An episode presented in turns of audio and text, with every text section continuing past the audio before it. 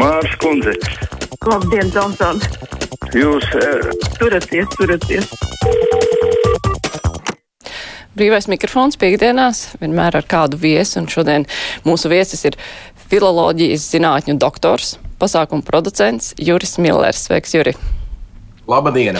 Ar vien tiek diskutēts par ierobežojumiem, un tagad tā karstākā apspriestā ziņa ir par hokeja čempionātu un skatītāju ielaišanu. Tu esi par vai pret? Kāda ir tava nostāja? Tas bija pareizs lēmums. Mana nostāja ir tāda, ja mēs esam tik ilgi dzīvojuši ierobežojumu ēnā un centušies tos ievērot visās nozarēs, tā izskaitā arī publisko pasākumu jomā, un ļoti paklausīgi klausījuši tam, ko saka mediķi, epidemiologi un, un cilvēki, kuri dien dienā saskarās ar šo slimību, tad tas, ko ir izdarījusi saima, manā skatījumā, tas ir klajš populisms.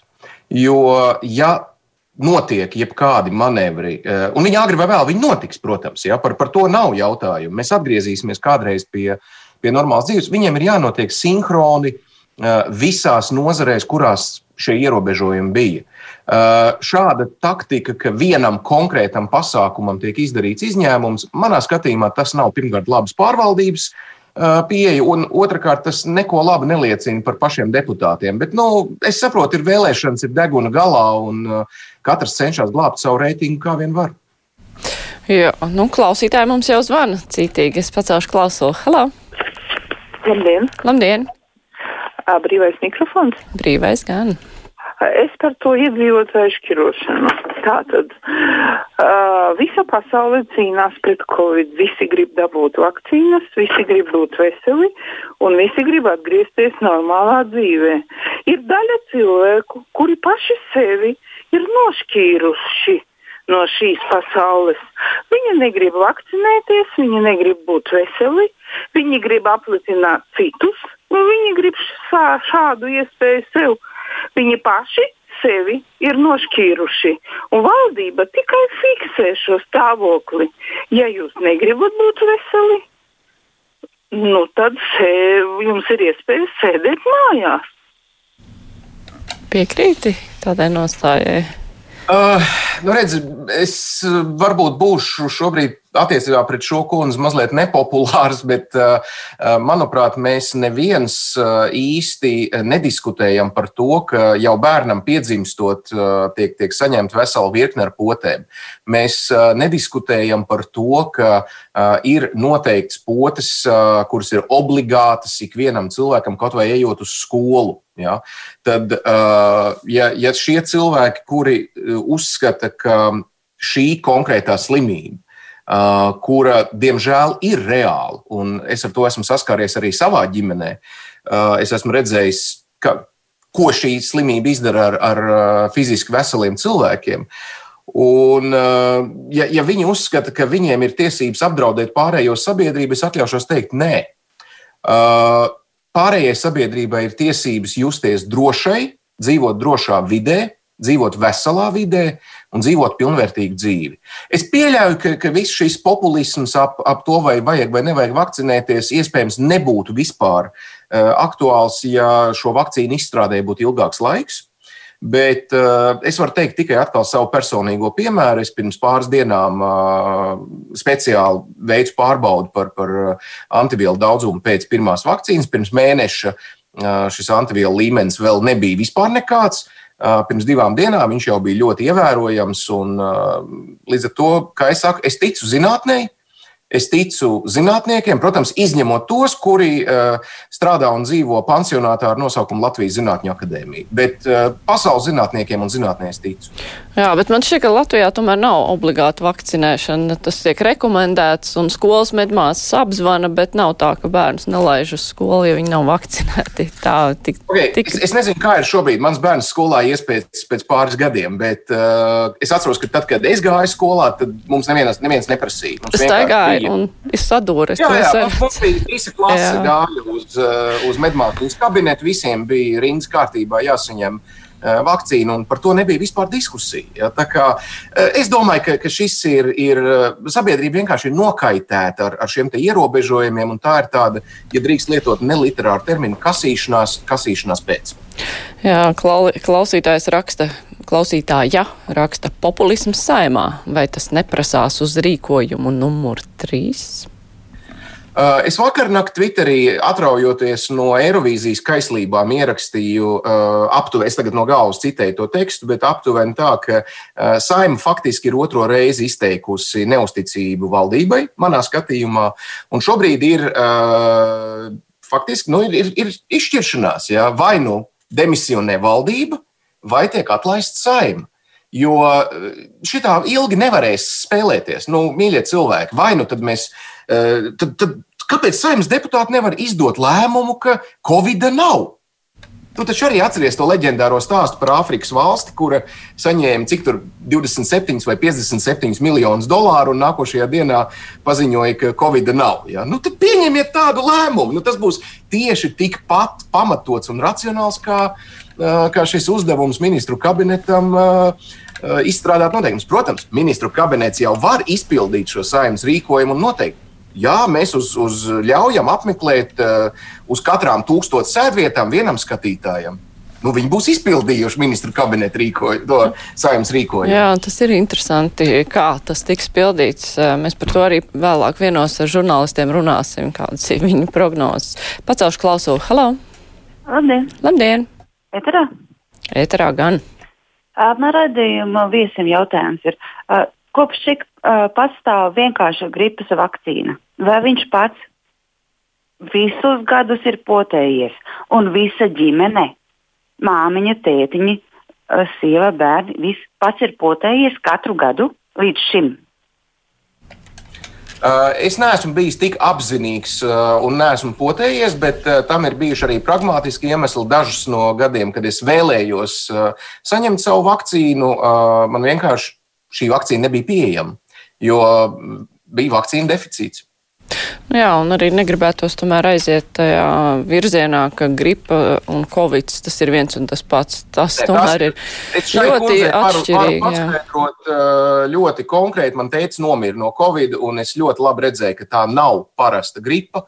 Un, uh, vienkārši šis ir, ir, ir absolūti uh, nu, Nu, mēs jau Latvijā mums visi ir vakcinācijas eksperti, visi ir hokeja eksperti un visi ir Eirovīzijas eksperti. Ja? Tā kā es pieļauju, ka šī kundze arī sevi šobrīd iedomājās par medicīnas eksperti tikai tāpēc, ka viņai liekas, ka visas vakcīnas ir pret vienu un to pašu. Ja? Klausītājs vaicā, kāpēc jūs nosaucāt uh, Latvijas Zinātņu akadēmiju par pansionātu? Juris Bīna pirms trim nedēļām televīzijā teica, ka Latvijā finansējums zinātnei Eiropā ir diezgan liels, uz vienu zinātnieku pie lielākajiem, tikai tas viss tiek izķiņķelēts personīgos projektos. Es gan nezinu, vai šie dati, ka mums ir tik liels finansējums zinātnē, varētu būt patiesi, bet, nu, varbūt tur bija kaut kādi citi apsvērumi, kāpēc tāds tika minēts. Jā, bet tāpēc, kāpēc pats pansionāts? Kāpēc pansionāts? Es domāju, ka ir jāpaskatās, kur atrodas tiešām objektīvi strādājoši Latvijas zinātnieki, kurus es cienu un, un kuri tiešām dara zinātnes labā ļoti daudz ko, un kas sēž tā saucamajā Latvijas Zinātņu akadēmijā. Tur ir cilvēki, kuriem jau pirms 30 gadiem bija jādodas pensijā, kuri uh, Zinātņu akadēmiju no uh, akadēmiskas institūcijas, kādai tai būtu jābūt, ir pārvērtuši par uh, biroju celtni ar vienīgo funkciju izīrēt birojus jebkādiem šarlatānu kantoriem. Un uh, viņu uh, nu, teiksim, darba spējas un, un uh, skatījumu uz dzīvi jau arī lietas pierāda kaut vai epopeja ar koncertu zāli Rīga, kur, kuras atslēgas viņi pārņēma jau pirms daudziem gadiem, šī zāle nu jau piecus gadus ir aizslēgta, bez apkurs, bez ventilācijas, bez elektrības, un šie pansionāti iemītnieki ar savām smadzenēm nav spējīgi saprast, kā šo nacionālu līmeņa kultūra telpu padarīt pieejamu sabiedrībai. Jo neaizmirsīsim, ka viņi nav privāti īpašnieki Latvijas Zinātņu akadēmijas ēkai. Uh, bet, kā jau es teicu, lielākajam vairumam no cilvēkiem, kas tur strādā, pensijā bija jāaiziet jau pirms 30 gadiem. Klausītājs Van Halo! Labdien! Labdien. Nu, vakcīna nav pan panacēja viennozīmīga. Un nevajadzētu spiest uz vakcinēšanos bet obligāti uz testēšanu. Jo, piemēram, manā gadījumā, es pēc vairākiem desmitiem gadiem, kad nebiju nereiz slimojis, es pieļauju, ka es pagājušā pavasarī biju dabīgā veidā vakcinēts, jo es biju nedaudz saslims. Ja? Bet obligāti visiem sadot un atlaist šo biroju, parazītu, kantotus, mar Covid marodieši. Nu, vienreiz nu, tas ir, nav izturams vairāk. Paldies! Mm -hmm. Nu, pagājušās pavasara notikumi jau varētu arī vairs nebūt atspoguļot imunitātē, es tā pieļauju. Es palasīšu vēstules. Klausītājs, klausītājs raksta. Kāpēc pārstāvat tikai vienu viedokli par vakcinēšanos? Lūdzu, pasauciet uz raidījumu vakcinēšanās pretiniekus un ļaujiet viņiem publiski izteikt savu viedokli. Mums ir jāsauc vakcinēšanās pretinieki. Nu, uh, sāksim ar to, ka žurnālistikas ētikas pamatlikumi uh, liek dot iespēju gan pozīcijai, gan opozīcijai atspoguļot savu viedokli. Uh, bet es domāju, ka šeit mēs runājam pat labam par uh, kara situāciju. Jo šis ir karš par sabiedrības izdzīvošanu, un uh, mēs ļoti labi redzējām, kas, kas diemžēl notika citās pasaules valstīs. Un mēs jau piedzīvojām arī tā saucamo kara medicīnu šeit, Latvijā ja, kad pacienti vienkārši tika šķiroti, kurus glābt, kurus neglābt. Ja, tā, kā, tā, tā ir, protams, žurnālisti izvēle. Jā, žurnālistikas lika, pamatlikumi liek aicināt pretējās puses, bet, eh, ja es pareizi saprotu, tad eh, tas nav šīs konkrētās dienas raidījuma eh, uzdevums. Un, cik es zinu, kruspunktā jau arī bieži vien tieks dažādu viedokļu pretinieki. Un, pauž šos viedokļus. Jā, lai gan jāteic, ka tādas klājas vakcinācijas pretinieks mēs neesam aicinājuši, bet nu, arī tur jāteic, ka arī bieži vien tur tiek operēts ar informāciju, kas varbūt nav īsti pamatot, un tad tur sanāk ļoti stipri atspēkot. Ja Labi, es šeit mazu, mazu piebildu vēl uh, par tikai... informācijas avotiem. Uh, ir ļoti svarīgi saprast, ko, ko šie cilvēki, kuri pārstāv uh, antivakcinācijas fronti, ja mēs tā varam teikt. Ja? Kas ir viņa informācijas avoti? Un, piemēram, pie, pie viena ieraksta manā Facebookā kāda kundze uh, ielika uh, saiti uz publikāciju. Man prasīja tas precīzi 20 sekundes ierakstīt šī avota nosaukumu, kas izrādījās Skotijas tabloīds. Jā. Ja kundze operē ar a, informācijas avotu tabloīdu, uh, tad uh, patiesībā mēs turpmāk varam kas jauns privāto dzīvi un vakar ziņas uzskatīt par uh, zinātniski pētnieciskajiem izdevumiem. Mm. Es jau pacēlu klausuli, ceru, ka klausītājs nepazuda. Halo, dzirdat? Nē, nepazuda. Sakot, Latvijā ir gandrīz 2 miljoni cilvēku, 1,9 pūlies, saslimo 1,9 miljoni. Nomira 45 tūkstoši. Tad, ja Latvijā palaidīsim epidēmiju brīvībā, nepotēsimies un dzīvosim tā, kā tie antivakseri uzskata, tad Latvijā būs kaut kādi 50-60 tūkstoši mirušo epidēmija būs beigusies, tie, kas paliks dzīvi, tie paliks pārējos apraksim, apvedīšanās kantonu un zārku darbu, tas leks no prieka gaisa kopā ar antivakseriem. Mm -hmm. Pacelšu uzreiz otru klausulu. Halo! Labdien! Labdien! Man ir trīs paziņas, viens no tiem mans radinieks kurus vecāki kādreiz nepotēja pret bērnu trieku, un visi trīs saslim, un visu mūžu kā smagi invalīdi ir dzīvojuši. Es nesaprotu vispār dārziņos. Ik pa brīdim man draudzenes dārziņā arī bērniņš ar difteriju nomira, jo māte nevīžoja. Nu, uzskatīja, ka nedrīkst potēt. Es domāju, tas ir milzīgs noziegums nepotēties un nepotēt bērnus. Tas ir tiešām noziegums pret dzīvību. Jā, diemžēl tādu gadījumu arī liek padomāt. Māra, mums ir jāatskatās arī kaut vai vēsturē. Kādreiz, kad pirms tika apgūtas varbūt zobārstniecības metodas, piemēram, ja, ļoti būtisks cilvēku nāves un miršanas faktors bija zobu slimības. Ja, cilvēki dzīvoja līdz apmēram 30, 35 gadiem un mirra tāpēc, ka viņiem sāka pūžņot zobi un viņus nevarēja izraut vai, vai izārstēt. Ja.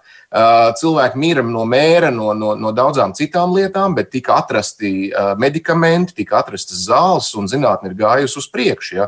Kāpēc mums būtu jādomā, ka zinātnē ir apstājusies? Mm. Zinātnē iet uz priekšu, un es, es, jā, es esmu no tiem cilvēkiem, kurš uzskata, ka ir jāseko zinātnes tehnoloģijām. Mēs taču vairs nelietojam, piemēram, ripas telefonu vai, vai telefonu komutātorus, kurus pārsprauž vadiņus. Ja? Mēs tomēr lietojam vietu telefonu, kas ir arī zinātnes sasniegums. Tieši tā kā arī ļoti daudz citas lietas. Edgars raksta, ka saima un valdība ir uzņēmušies atbildību par Covid-19. Saima ar to, ka ir sašķēlusies, bet valdība ar to, ka gandrīz sabrukusi. Tāds komentārs. Nu, es neesmu vēl Latvijā redzējis nevienu normālu politiskās atbildības piemēru, kas būtu tiešām uh, sakņojies. Ticiet man, šitie, man ir grūti iedomāties latviešu labu, adekvātu vārdu. Mārķi, palabo, ja tu varēsi uzreiz tulkojumu atrast. Prahaģimci, kas ir salīduši saimā, uh, pateicoties uh, aktierim un, un, un viņa, viņa ambīcijām. Ja? Un, un, un dažiem citiem cilvēkiem. Nu, nu, tie nav politiķi, tie ir politikāņi. Par kādu atbildību mēs tur varam runāt? Jā, es ātrumā nevaru iztulkot to vārdu, bet es domāju, ka daudz arī saprast. Es, es ceru, ka mūs neviens nesodīs par šo vienu svešvārdu. Kaut kādi tur ir. Normāli, teiksim, garām gājēji. Kaut kādi, nu jā, garām gājēji. Caurskriejēji. Jā, varbūt caurskriejēji, labi. Jā. Klausītājs Adrians raksta, vai jums ordeņotie žurnālisti jau ir iedalītas hokeja čempionāta finālspēles biļetes? Uh, nav biļetes, es arī neietu uz hokeja čempionātu, bet ap citu ir interesanti, kā tas tiks. Eh, nu, kā pie tām biļetēm vispār tiks? Jo tik, tur jau gribētāji. Lasīju, jā, tik cik es lasīju publiski pieejamo informāciju, tad biļetes tiks tirgotas tikai online. Ja viņas atļaus tirgot. Ja, jo vēlreiz valdība jau vēl nav lēmusi. Ja, tas ir tikai saimnes lēmums, ka valdībai ir jāizstrādā šie noteikumi. Bet, ja nemaldos, Kalvīša kungs to teica, ka biļešu cenas būs starp 100 un 500 eiro. Nopērkams tikai online, un viņš minēja tur arī tos daudzumus, cik tirgos uz, uz arēnu Rīgu un cik, eh, cik uz Olimpisko. Mm -hmm. Tad būs tā arī izsludinās pirkšana un tad tā kā uz dziesmu svētkiem. Normons eh, raksta, caurstaigātāji bija tas vārds. Cits klausītājs raksta, cilvēki baidās no vakcinēšanās, jo vīrus nav izmeklēts un nav zināmas sekas. Taisnība zināksim tikai pēc gadiem desmit vai.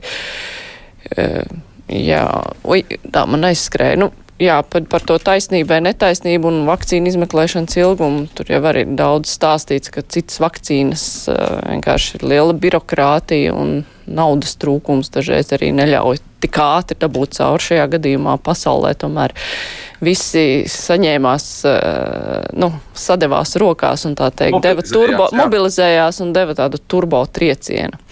Normas veicā, kāpēc valdība nesenāk klāt, klātienē uz sēdēm? Viņi tak visi pirmie savakcinējās. Nu, jūs domājat, ka viņiem tik ļoti gribās vienam otru redzēt klātienē? Man liekas, ka viņi tur jau ir, ir pārgraužuši. Ja, ja viņus tagad salaidīs atkal visus vienā telpā, viņš pārgrauzīs rīklus viens otram. Jā, tad viņi sēž katrs savā kabinetā un saslēdzās zumā. Tas ir tēlaini teiks, tas nav aicinājums uz vardarbību, tā ir brīva interpretācija par galvenais, lai sapratējām attiecībām. Lai nepārprot. Klausītājs zvana. Halo! Labdien! Labdien! Tāda ķecerīga doma, kas neliek mieru jau kopš šīs saimnes vēlēšanām. Vai nevajadzētu apsvērt jautājumu aizliegt balsot tautiešiem kuri dzīvo ārvalstīs. Viņi tomēr ir samērā labi situēti, viņi ir izvēlējušies tur nu, dzīvot ilgstoši, strādāt, darboties, pelnīt pensijas. Un, un viņiem faktiski nav ļoti maza jēga par dzīvi, kāda notiek Latvijā. Un faktiski ārzemju latviešiem pateicoties tika savēlēti šie āksti saimā, un, un varbūt tādēļ arī mēs daļai esam uz sēkļa. Droši vien jau, ka ne tikai, bet eh, es nezinu, nu, pilsoņi ir nu, pilsoņi. Es, es nepiekrīstu, ka, ka ārpus Latvijas dzīvojošiem pilsoņiem būtu jāaizliedz balsot, jo galu galā tur dzīvo arī uh, un strādā teiksim, vēstniecību darbinieki un, un, un ļoti daudz cilvēku, kur varbūt uzturas ārzemēs kādu uh, īsāku laika periodu. Bet uh, atcerēsimies vienu lietu. Uh, kungs, kas zvanīja, sākumā minēja šos 1,9 miljonu laikam skaitli. Ja, uh, braukājot ar, ar, tad, kad vēl drīkstēja braukāt pa Latviju ar koncertiem, es ļoti labi redzēju to, kā kritās apmeklētāju daudzums. Nevis tāpēc, ka neinteresētu konkrētais mākslinieks vai koncerts, bet tieši tāpēc, ka realitātei vairs nebija cilvēku.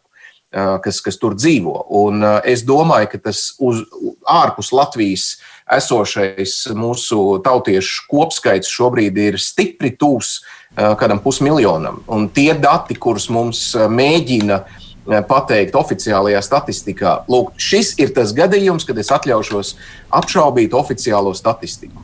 Jo neaizmirsīsim, ka oficiālā statistika tomēr arī bieži vien ir saistīta kaut vai ar vietu skaitu Eiropas parlamentā, Jā. ar dažām citām lietām. Mm -hmm. ja. Šis ir, piedodiet, šis ir tas gadījums, kad es atļaušos apšaubīt Latvijas kopējo iedzīvotāju skaitu. Mm. Labi, klausītājs zvana. Halo. Labdien! Labdien. Visi aizmirsuši, laikam, ka Kalvijas noveda Latviju līdz bankrotam. Dabrovskis to uzcēla. Tagad viņš atkal uzrunājas ar saviem vīriem ar bumbiņu. Grib visus latviešus aplaist ar vīrusu, lai viņi visi uh, paliek par par mirušiem. Jo, jo šito atļauju no sākuma viņš teica, ka kaut savā burbulī būs, vai ne? Bet tagad atļauj visiem, kā saka, lai nāk tikai. Bet vīrusu viņš tak nevar ierobežot, lai viņš ierobežot to vīrusu, lai tas neiet pa gaisu. Vai inficēti vai neinficēti, viņam tagad kauna nav viņš uz līķu cilvēkiem, kas aizgājuši tajā saulē, spēlēs bumbiņu ar saviem vīriem. Un atkal grib raujās pie varas, un atkal viņš musina visu tautu, visu saimu un visu valdību vispār aiziet, kā saka, nebūtībā. Vai viņš pats aizbrauc no Latvijas un nerādās vairs te ar saviem spēļu bumbiņām un saviem vīriem? Mm -hmm.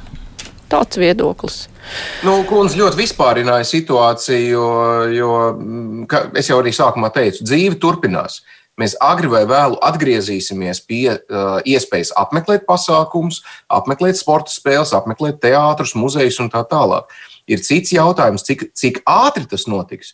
Un pavisam cits jautājums ir, vai ir pareizi, un manā skatījumā pilnīgi nepareizi, radīt izņēmumu vienam konkrētam pasākumam, uh, nesinhronizējot to ar pilnīgi visu pārējo uh, ierobežojumu atcelšanu, mīkstināšanu vai pastiprināšanu.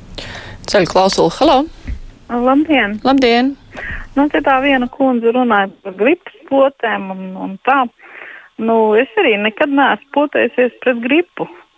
Jo tam ir iemesls, ka es nekad dzīvē, principā, pat īsti viesnām neesmu slimojusi. Bet tagad es sapotējos pret koronu. Visu man ģimeni tieši tāpēc, ka zinot, ka mirst veseli cilvēki, un man galīgi negribas nomirt veselai. Tā kā, nu, es domāju, ka cilvēki ar to savu pelēko vielu galvās varētu padomāt. Mm -hmm. Pacelšu uzreiz otru klausulu. Halo! Halo! Klusums pilnīgs. Arī tā gadās. Arī tā gadās, jā. Klausītājs Jānis raksta, esam pieteikušies rindā uz vakcīnu, bet neliek mieru jautājums. Bērns bija kontaktpersona ar covid inficēto skolā, bet pašizolācija jāievēro tikai bērnam, pārējo dzīvojam. Ikdienas dzīve, otrs bērns iet uz skolu, mēs ar sievu uz darbu, bet šai slimībai pastāv iespēja slimot bez simptomiem un pārnēsāt. Nu jā, nu, tur jau katram pašam arī ir jāskatās un jāmēģina ierobežot uh, savus kontaktus, cik nu var. Bet, nu, kādi tie noteikumi ir. Jā, pār, man, liekas, ka tas, tas, tas smagākais šobrīd ir tas, ka sabiedrība vienkārši ir uh, atrofējusies pret uh, šiem ierobežojumiem. Viņi grib, viņi ir noguruši. Ja? Un uh, ir jābūt pēc iespējas ātrākam risinājumam, un pagaidām vienīgais risinājums manā skatījumā ir šī vakcinēšanās. Mm -hmm. Klausītājs van, hello! Halo, es dzirdu, jūs tur esat. Jā, labdien! labdien. Es arī gribu parunāties ar jums. Nu, lūk, mana pieredze. Dalīšos ar savu pieredzi. Uh, sešu gadu vecumā saņēmu dražē, tad jau nebija tāda vakcīna, bija dražē, balta apaļa bumbiņa pret bērnu triepu. Saslimu tieši no dražē bumbiņa. Doktors man teica, nu jā, tas ir viens no desmit tūkstošiem, nu vismaz tā. Labi, bet es saslimu, slimoju desmit gadus, ārstējos, jā, man bija paralizēts viss kreisā puse. Pēc tam tagad daudz gadi ir pagājuši, tagad jau es esmu pensiju, pensijas vecumā. Pagājušajā gadā man taisīja operācijas sirsniņā, bija obligāts prasījums jātaisiet pretgripu poti. Iepotēji nākošā dienā sasprāst. Nu, sakiet, lūdzu, kā lai es eju uz šo te poti? Nu, man pilnīgi ir nu, fobija, man ir bailes no tā. Nu, un es saslimu ne pa jokam, slimoju ar gripu. Nekad mūžā neesmu ar gripu slimojis, nekad mūžā neesmu pret gripu potējies. Nu, lūk, divi varianti. Nu, negribas poteikties. Piedodiet, bet es ievēroju visu, es atzīstu slimību, jā, es visu to saprotu ar prātu, bet pati nepotēšos. Piedodiet. Jā, nu šis ir tas gadījums, kad es saprotu cilvēku, kurš baidās un kurš negrib potēties, kuram ir bēdīga pieredze, un es domāju, ka mēs visi zinām, ka visi cilvēki nebūs vakcinēti Latvijā, un, teiksim, ja cilvēkam ir šādi argumenti, ir saprotami, un šim cilvēkam viņš ir pelnījis, nu, iztikt ar to imunitāti, ko pārējie būs sarūpējuši. Tā man šķiet. Es domāju, ka šis ir tas gadījums, kad cilvēkam ir tiesības konsultēties ar savu ģimenes ārstu, atrast medicīniski piemērotāko risinājumu savam konkrētajam gadījumam. Mm. Un, uh, ar šādu motivāciju tiešām nav ko pārmest. Ir cits stāsts, uh, es nu pat, kad, kad gāju nodot antivielu uh, testu, Uh, gaidot, es dzirdēju sarunu, kundze prasīja, nu, kāda jums šodien ir vakcīna. Viņa tur nosauca vienu vakcīnu, oi, nē, šito es negribu, es gribu citu. Nu, Šis jau, piedodiet, izskatījās pēc tādas augstprātīgas knauzerēšanās. Ja, ka, uh, ir atvests vakcīnas, kundzei ir pieraksts uz konkrētu laiku, viņa ir atnākusi un viņai negribās to vienu konkrētu. Nu, tas nav konfekšu veikals, mīļie. Ja. Es arī ņēmu to vakcīnu, kuru, kuru varēju dabūt. Uh, kaut gan varbūt es būtu gribējis kādu citu. Ja. Mm -hmm. Bet, uh, es, es, es par to negaudoju un neraudu. mm -hmm. Pacēl klausuli. Hello! Labdien! Labdien. Vakar noskatījos uh, televīzijā preses klubu, un mums ir uzrādījies valstī uh, jauns infektuologs uh, Armāns Krause, zemnieks, kurš paziņoja, ka uh, vīrus tā ir vienkārši iesma saslimšana un, un viss. Tagad vasara vispār vairs nebūs tāpat kā gripa tikai ziemas sezonā. Mums ir jauns infektuologs, tā lūdzu. Jā, nu traki, ka cilvēki nu, uzdodas par infektuologiem. Nu, ko lai saka? Un galvenais, ka tādi cilvēki, kuriem ir arī kaut kāda teikšana viedokļu veidošanā. Tā, nu, man nav laiks pacelt vienreiz klausuli. Halo! Ziniet, es iesaku atvērt, cik nu var viss iespējamās durvis, lai vismaz latviešu vīrieši varētu pa to hokeja čempionātu pārdzīvot. Ja? Veikali teātri tie bija, būs vienmēr, bet čempionāta ilgojas nebūs. Diskriminācija sievietes var noteikti diezgan daudz interesēs par hokeja čempionātu, tāpat kā ir daudz vīriešu, kuriem tas ir pilnīgi vienalga. Bet, nu, jā. Cilvēki ir dažādi, un uh, interešu sfēras cilvēkiem ir arī ļoti dažādas. Mm. Klausītājs raksta, es potēšos, bet mani apmierina šie ierobežojumi. Vairāk laika paliek sev pašam ir cilvēki, kuriem tas viss iet pie sirds. Jā, ir cilvēki, kuriem varbūt tas, tas patīk. Galu galā nevelti ir dažādi cilvēku tipi, bet uh, es domāju, ka arī tev ir daudz patīkamāk ar viesiem tikties uh, klātienē un ar kolēģiem tikties klātienē studijā, nevis uh, šādā attālinātā formātā, kā tas ir mums. Uh, manā nozarē mēs ļoti gribam tikties ar māksliniekiem, mēģinājumos, uh, koncertos, teātris izrādēs un tikties ar skatītājiem, uh, skatītāju zālēs. Es ļoti ceru, ka tas būs drīz iespējams. Un uh, nedod Dievs, šis saimnes populisms radīs jaunu uh, saslimšanas vilni. Nedod Dievs! Jā, uz to ir tiešām jācer. Es saku paldies. Pasākuma producents Juris Millers bija šodien kopā ar mums. Ar to brīvais mikrofons arī izskan. Tagad būs ziņas, pēc tam kopā ar žurnālistiem jau apspriedīsim nedēļas notikumus. Paldies! Atā.